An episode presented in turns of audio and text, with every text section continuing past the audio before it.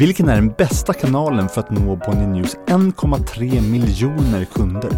Hur många mejl skickas till dem varje år och hur är det att vinna utmärkelsen Årets ledare? Om det ska vi prata i det här avsnittet av Drömjobbet, Bonnier News podd om hur det är att arbeta på Nordens största mediekoncern. Dessutom kommer vi att nämna ryska trollfabriker.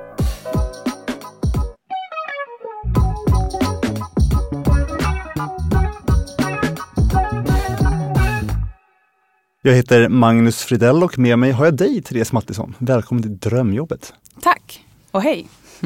Du är kommersiell teamchef, du är kompetenschef och AO-lead. Många titlar, det känns som att du inte kommer ha svårt att fylla dina dagar på något sätt. Men vad gör du egentligen? Ja, men en, en bra fråga. Eh, jag arbetar med strategisk marknadsföring, eh, förändringsledning och digitalisering. Eh, och till vardagen så ansvarar jag med mitt team då för Bonnier News 1,3 miljoner prenumeranter. Så helt enkelt om du är en kund hos oss. Utöver det så är jag kompetenschef för marknadsförare och som affärsområdeslead är jag då ansvarig för kundresan för ungefär 30 varumärken hos oss. Framförallt Expressen och ett 30-tal magasin. Fullt upp? Fullt upp, ja. Men du, eh, i ditt team så jobbar ni med kommersiell bearbetning och med att engagera och lojalisera våra prenumeranter. Och det var ju som, som du sa, 1,3 miljoner. Det är rätt många att jobba med. Ja, det är en hel del och, och olika är de ju också. Ja, men jag kan tänka mig det. Men hur lojala är de, våra kunder? Ja men eh, det är en ganska bra och ganska svår fråga att eh, svara på. Lite beroende på vad vi definierar som lojalitet. Eh, men våra kunder i stort sett är, väldigt lojala. De besöker våra olika plattformar i hög grad. Och vi har också möjligheten då att kunna ta betalt för vårt journalistiska innehåll. och kunder som kom in i januari 2022 har valt att stanna hos oss i snitt i över 16 månader. Vilket jag skulle säga är ju ganska länge.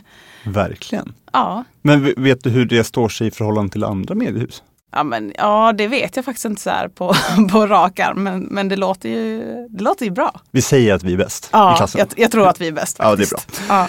Men eh, vi har ju omkring 200 olika varumärken och titlar. Eh, vilken av de här titlarna har egentligen mest lojala kunder?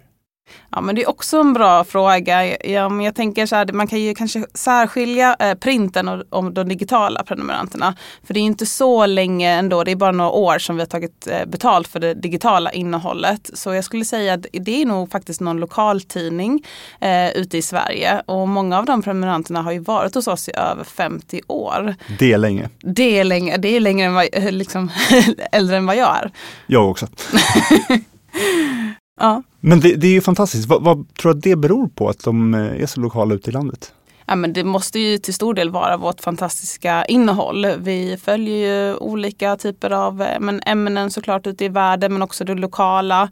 Eh, allt från eh, liksom, Ukraina och krig till lokala nyheter, sporten eller olika typer av bevakningar som val och liknande. Så att, eh, det är ju att ha närheten tror jag till det, den eh, journalistik du just efterfrågar. Det finns eh, många olika kanaler eh, runt om i, på det stora internet eh, och eh, man kan liksom använda nå kunder på flera olika sätt. Tycker du att det finns någon kanal som fungerar bättre för oss att nå våra kunder än, än andra?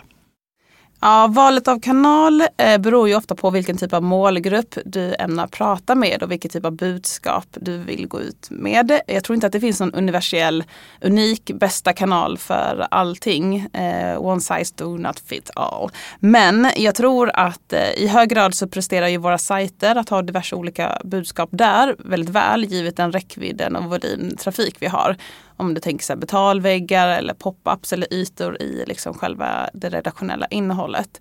Eh, sen så pratar vi väldigt mycket med våra eh, besökare och prenumeranter via mejlkanalen. Eh, förra året så skickade vi med teamet ut nästan över 400 miljoner mejl 400 miljoner, eh, Ja. det låter ju nästan som en sån här rysk trollfabrik, men, men det är det inte. Det är det inte och cirka 50 procent av dessa mejlen öppnas faktiskt. Och i snitt 10 procent så klickar man sig vidare in till våra sajter eller liknande från exempelvis ett nyhetsbrev. Så av dessa 400 miljoner så är det ju ändå 200 miljoner mejl som öppnas. Det skulle jag säga är bättre än, än eh, branschstandard. Så någonstans finns det ju såklart en efterfrågan men också lojalitet som du var lite inne på där precis. Och också bättre än ryska trollfabriker. Ja, exakt. Det är ett mål det också. Eh, kan du berätta lite grann om hur ditt team ser ut då? Vi är ett större korsfunktionellt team med olika kompetenser inom digital marknadsföring, lojalitet, eh, analys och eh, lite mer marketing automation, det vill säga den tekniska delen i marknadsföring. Eh, och vi har väl ett åldersspann mellan 25-30 ungefär upp till 60 plus i, i åldern. Men också en ganska jämn fördelning mellan kvinnor och män. Hur många är ni? Ja, det är en liten bra fråga. Det har eh, skiftat lite här, men eh, ungefär 12 stycken är vi. Mm. Hur, hur jobbar ni? Eh, liksom samarbetar ni med andra team också eller hur fungerar ert arbete? Eh, vi gillar att arbeta experimentellt och tror starkt på att arbeta agilt och korsfunktionellt. Både då inom teamets olika kompetenser men även tillsammans med andra team och avdelningar. Det finns ju en styrka i att jobba korsfunktionellt för att liksom, ja, men de som är bra på innehållet är ju såklart redaktionen. Eh, Att utveckla nya funktioner, ja, men det kanske är ett produktteam och sen så finns det ju såklart eh, ja, men en, en annan avdelning som heter ekosystemsdomänen som tillhandahåller mycket av den arkitektur som vi jobbar med. Det kan vara allt från data och tillgängliggöra den på ett bra sätt. Eh, men annars så såklart vill vi ju jobba mot en tydlig prio och att jobba långsiktigt. Eh, där vi ser ett värde både för affären och för kunderna. Har det alltid sett ut så här, eh, att ni har jobbat på det här sättet eller har det förändrats de senaste åren? Eh, det har absolut förändrats ganska många gånger. Vi lever ju i en omvärld som ständigt förändras och vi behöver ju såklart eh, organisera oss efter det och se vad vi kan bli mest effektiva och liknande. Så förra året, 2023 blir det, så gick vi från att vara ett affärsområdesteam som jobbade med hela kundresan till att vi nu har gått mot att vara en värdeström som vi kallar det. Så vi ansvarar då för alla våra varumärken men en del av kundresan. Och varför gör vi på det sättet då? Eh, men Vi tror starkt på att vi blir mer eh, effektiva genom att jobba så. Vi kommer kunna jobba mer skalbart och hitta finare synergier. Eh, Men också effektiv, effektivisering, kostnadsbesparingar är en del av det. Eh, Och det ser vi redan nu ett, ett fint resultat av. Så det var absolut helt rätt väg att gå. Och för dig personligen då, eh, känns det som ett eh, roligare sätt att arbeta? Ja, men det är roligt. Det är kul att få lära känna fler varumärken och fler eh, man ska säga, avdelningar och redaktioner. Eh, men också att kunna jobba med best practice och se hur vi snabbt kan eh, applicera den på fler varumärken istället för att skapa unika uppsättningar för varje enskild titel, vilket blir ganska ineffektivt i längden. Ni jobbar en hel del med något som kallas för AB-testning. Kan du beskriva lite grann vad det är? Ja, men AB-testning är väl i stort sett att, att jobba med data och ha den i, som grund till kvalitativa eh, underlag. Eh, så till exempel att inte jobba med magkänsla och gissa sig fram vilken den bästa eh, kampanjen är eller ämnesraden så jobbar vi med AB-testning för att då se om det är en version mot en annan som presterar bäst. Eh, och ett, ett bra exempel är väl kanske mejlkanalen då där man kan i dess enkelhet testa två ämnesrader mot varandra till samma målgrupp för att se vilken som öppnar mest. Eh, det skulle också kunna vara kopp i en knapp eller olika liksom, kampanjmaterial för att se helt enkelt vad som, som ger bäst effekt. Sen så är det ju en sak att titta på kanske de operationella kopiorna, det vill säga vad som klickar mest eller öppnar mest. Men i slutändan så är det ju en effekt man vill uppnå. Eh, det kan vara att eh, ja, men de ska stanna en längre tid om de kommer in på ett visst sätt och liknande. Så att någonstans behöver man liksom titta på det kortsiktiga men också den långsiktiga effekten. Vilket kan vara lätt att glömma när man AB-testar. Men eh, finns det någon liksom framgångshistoria? Det här var ett riktigt bra test. Eh, ja, men eh, det, ny, eller det senaste måste vara faktiskt ett eh, AI-genererat test som vi har gjort där vi har AI-genererat en, eh, en kampanjbild eller en banner helt enkelt mot att det har suttit en grafisk person och tagit fram den.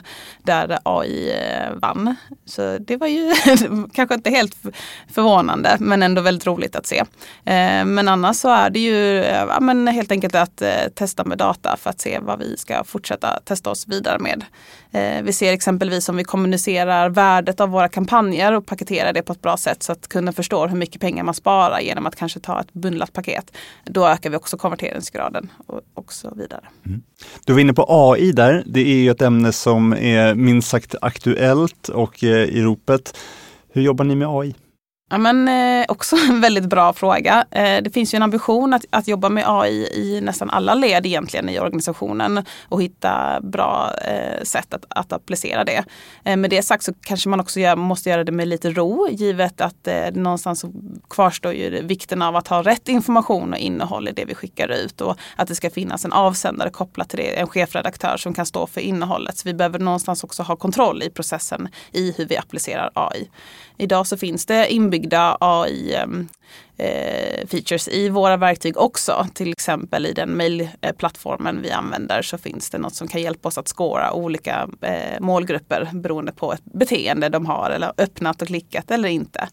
Um, så det kan ju vara det eller eh, contentproducering eller innehållsproducering och liknande. Vi håller på just nu att testa AI-genererade nyhetsbrev och liknande. Där istället för att du läser ett visst varumärkes allt innehåll så kan vi titta på ett ämne och bredden av allting Bonnie News producerar. Vi säger mat. Eh, så vilka varumärken har skrivit om mat och varför. Till exempel semlan var ju aktuell här nyligen. Då kan vi titta på det. Spännande! Ja visst är det. Verkligen. Innan vi går vidare så tänkte jag att du skulle få några sådana här korta antingen eller-frågor. Mm -hmm. mm. DN eller Expressen? Oh, Expressen. Bryggkaffe eller automatkaffe? Bryggkaffe. Matlåda eller lunchrestaurang? Lunchrestaurang. Jobba på kontoret eller hemma? Ja, den var svår du. Båda. Båda? Ja. Mail eller Slack? Slack. Slack. Det mm. når man inte i mejlen. Det är så alltså? ja. Så du är inte en av de eh, 200 miljoner som faktiskt öppnar det där mejlet som ni skickar ut? Nej, kanske våra egna, men ingen annans. Nej, mejl når man inte mig. Slack, absolut. Då är jag snabb. Då är du snabb, vad härligt. Ja. Du, kan du berätta lite grann om din egen resa inom Bonnier News? Ja, absolut. Eh, nej, men jag började på News för drygt åtta år sedan som management trainee och fick höra egentligen redan då om den här stora förändringsresan som eh, fanns lite på horisonten att eh, genomföra. Eh, satsa på digitalisering och förändring och eh, också organisation. Åtta år sedan, det är alltså precis i starten av Bonnier News som Bonnier News. Japp, då var jag här. Då var du här. Mm. Japp, nyexad från skolan i, på Lunds universitet. Eh, så då, nej men då var jag här eh, och då jobbade ju inte bolagen riktigt tillsammans om vi pratar centralisering eller skalbarhet utan alla hade ju sina unika marknadsavdelningar, ganska många, eh, många av dem. Eh, och sen dess har jag haft en väldigt spännande utvecklande eh, resa skulle jag säga. Eh, där jag fått möjligheten att utforska olika roller då. Givet också att vi har gått tillsammans som eh, ett stort eh, Bonnier News-bolag. Eh, ehm, där jag har haft ett fokus hela tiden på att ja, men driva just förändring och slå ihop både team och avdelningar och produkter. Eh, men också jobba med eh, den organisatoriska utvecklingen, att komma närmre mellan avdelningarna och driva effektiva team. Om vi pratar att liksom få ihop analys, tech och marknad som tidigare har jobbat ganska eh, i silos.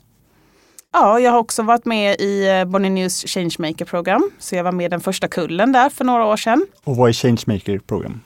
Men det syftar ju till att, att eh, vad ska man säga, utveckla framtida ledare, att vara med och driva den här förändringsledningen som behövs och också nätverket internt. Vi är ju ett väldigt stort matris, liksom, organisation och bolag och det krävs ju att förstå och navigera internt för att förstå varandras utmaningar och möjligheter eh, och att eh, liksom, ha den typen av kontaktytor. Men också eh, utveckla den, liksom, vad ska man säga, min verktygslåda eh, som ledare. Vad gav det dig?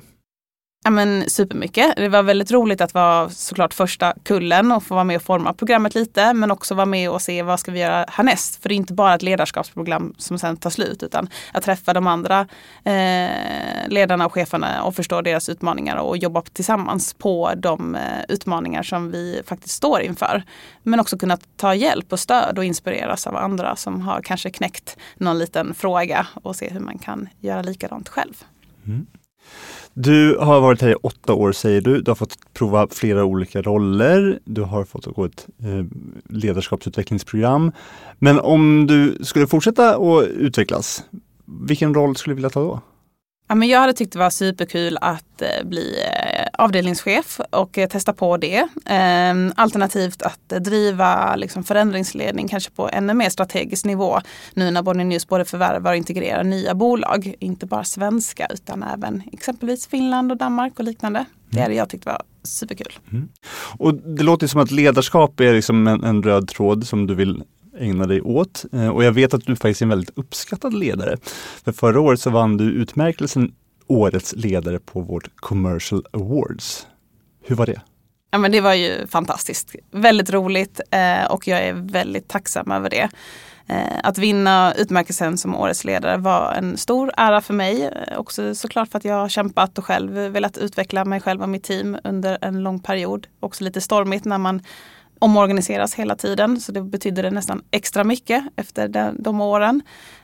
Um, ja, det är en speciell stund som jag kommer ta med mig väldigt länge och ligger mig varmt om hjärtat än idag. Jag förstår det. Det är inget man glömmer i första taget. Nej, det var ganska pirrigt också. kan tänka mig det.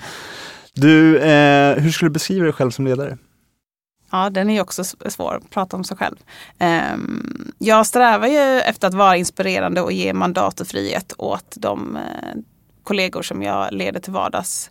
Eh, jag tror på att skapa atmosfär av tillit och tillåta individer att blomstra genom att ta egna initiativ och just få det ansvaret och delegera mandatet ner från mig till dem. Eh, jag ser också mitt ledarskap som en kontinuerlig resa där jag strävar efter egen personlig och professionell eh, utveckling hela tiden.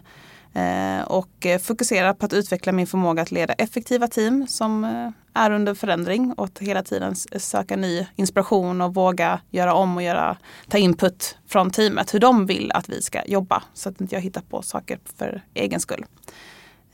Jag tror också att det är viktigt att leda genom att vara den personen jag själv pratar om. Walk the talk tror jag det kallas för. Mm. Det är också viktigt. I motiveringen så står det bland annat så här att du är en engagerad och inspirerande ledare som präglas av trygghet, mod, ambition och passion. Berätta, varför är just de här ledorden så viktiga för dig? Eh, nej, men de är grundläggande för mig eftersom att de representerar de kärnvärden som jag strävar efter att inkorporera i mitt ledarskap eh, varje dag. Eh, trygghet är avgörande för att skapa en miljö där teammedlemmar känner sig bekväma att eh, ta risker och att uttrycka sig. Och det är liksom också en stor del som har präglat mig i mitt ledarskap, att jag har fått den möjligheten av mina chefer här på Bonnier News. Eh, mod är också nödvändigt för att våga utmana just status quo, den gamla kultur eller arbetssätt och liknande. Och att våga ta eh, risker behövs för att kunna driva förändring. Um, ambition är också en viktig del tror jag, att sätta höga mål för att liksom nå lite längre varje dag och att göra det tillsammans. Ehm, jag tror också att eh, passion är en nyckelfaktor att tro på det man gör och, och det man är duktig på och verkligen bli, eh, ja, specialisera sig på det. Jag vet att vissa pratar om att man ska bli bättre på sina svaga delar och jag tror snarare att man ska jobba på sina starka delar och bli riktigt grym på det man faktiskt gör och är unik inom och sen kan vi stötta varandra i de andra delarna. Ehm, det tror jag i alla fall kan eh, skapa en, eh, ett bra ledarskap och ett hållbart, eh, hållbart sätt att arbeta på. Mm. Kan du dela med dig av några utmaningar som du haft som ledare? Ja, de är många. De är det va? ja, visst är det så. Det handlar bara om att man vågar prata om dem. Eh, ja, men jag tror att en del är såklart att leda förändring, eh, givet också den takt vi håller, eh, inte bara på Bonnier News utan i omvärlden i stort. Och att våga vara ledande inom det handlar ju också om att våga eh, bryta normer eller att våga liksom tänka nytt och eh, vara först ut i det klivet. Ehm, så det har ju krävt att, man är, eller att jag är lyhörd eh, och lyssnar in eh, både kunders behov såväl som organisationen och framförallt teamet. Att bygga den typen av stabil och, trygg miljö för att prata om så här ser vardagen ut. Hur kan jag kratta vägen och manegen för att göra vardagen bättre? Eh, en annan utmaning som jag har eh, stått inför och fortfarande ibland kan uppleva det är ju såklart det kulturella när man driver eh, team som går korsfunktionellt mellan olika avdelningar. Det kan ju vara typisk kulturkrock eller språk. Vi pratar väldigt olika beroende på om du är en marknadsförare eller en utvecklare och det är helt okej. Okay. Eh, men då behöver jag som ledare kanske eh, rita ut den här båten som vi sitter i allihopa och det gemensamma målet så att vi tillsammans kan eh, brygga de barriärerna och gå igenom stormen tillsammans. Fint sagt! ja. Vi går tillbaka till ditt team. Du pratade lite om liksom, gemensamma mål och så, men vad ligger i fokus framåt för er? Eh, men just nu, jag var inne lite där på att bygga skalbarhet och någonstans behöver vi också då förstå vad är best practice och de, eh, de strategiska liksom, målen vi ska åt. Eh, sen så är det att jobba med eh, AI och automatisera stora delar för vi jobbar väldigt manuellt fortfarande där vi har manuell handpåläggning i den interna processen. Så titta på att effektivisera och eh, automatisera. Eh, sen så är det ju såklart att vi har höga ambitiösa kommersiella budgetmål eh, som vi behöver balansera tillsammans med när vi genomför ja, med migreringsarbete och liknande. Så vi har ändå en viss del liksom, historik i och med att vi är ett gammalt bolag som vi behöver ta hänsyn till där vi går mot gemensamma plattformar och då behöver vi någonstans vara i de lite mer långtgående projekten samt, liksom, ja, men parallellt. Och då handlar det väl om att både ha Finlandsfärjan men också de snabba speedboatsen som kan ta eh, quicka wins och bygga vidare. Mm. Vilka utmaningar ser du för dig och teamet eh, och för vår läsaraffär som stort? Ja, men eh, det är ju generellt den eh, ekonomiska situationen i världen. Eh, inflation via krig och liknande som också påverkar våra kunders eh, pengar i plånboken så att säga. Eh, och ha en del av den kakan. Eh, men också såklart att vi håller på att integrera nya förvärv i vår organisation som vi behöver ta hänsyn till som kanske sitter i gamla plattformar eller har ett annat sätt att arbeta på. Eh, så vi behöver titta på hur vi samarbetar på bästa sätt och omborda dem till, till liksom Bonnier News. Eh, jag tror också att eh, vi behöver jobba starkt med att minska tappet i print. De som fortfarande läser tidningen, vilket är en väldigt stor del av våra prenumeranter och de som är lojala. Att både få dem att ha kvar sin print så länge som möjligt men också att få kanske en äldre målgrupp att bli mer digitala, att upptäcka men, våra digitala sajter, appar, e-tidning och liknande. Vi, eh, det här är en podd som, som riktar sig mycket till de som är intresserade av att börja jobba hos oss eh, på Bonnier News. Ehm, och då undrar jag såklart varför ska man söka jobb just i ditt team? Ja du. Förutom att få äran att jobba med dig. Jag. ja, ja, det skulle snarare vara alla fantastiska personer i teamet då. Eh, nej men jag tror att en stor del är ju såklart om, att jag med många andra brinner ju för att eh, bidra till det fria ordet och att jobba med den fantastiska journalistiken och möjliggöra den. Det är nästan en grundläggande faktor till varför du vill komma till Bonnier News tror jag. Eh, men om du vill jobba med mig och teamet så skulle jag säga att det är en innovativ miljö där du kommer att få lära dig väldigt mycket och vara med och bidra bidra eh, och påverka den förändring som vi vill skapa. Hur vi jobbar, hur vi når ut våra liksom, både läsare och användare av våra plattformar. Eh, men också team där du kan vara med och eh, forma framtiden tänker jag med, i mediebranschen. Vi är ändå eh, ledande inom det vi gör av en anledning och vi är modiga och passionerade. Så tycker man att det vore kul att vara med och skapa förändring så eh, är det helt rätt plats. Du, vi var inne på tidigare att eh, du har varit här då i åtta år, eh, sedan eh, Bonnie News eh, riktiga barndom eller födelse nästan.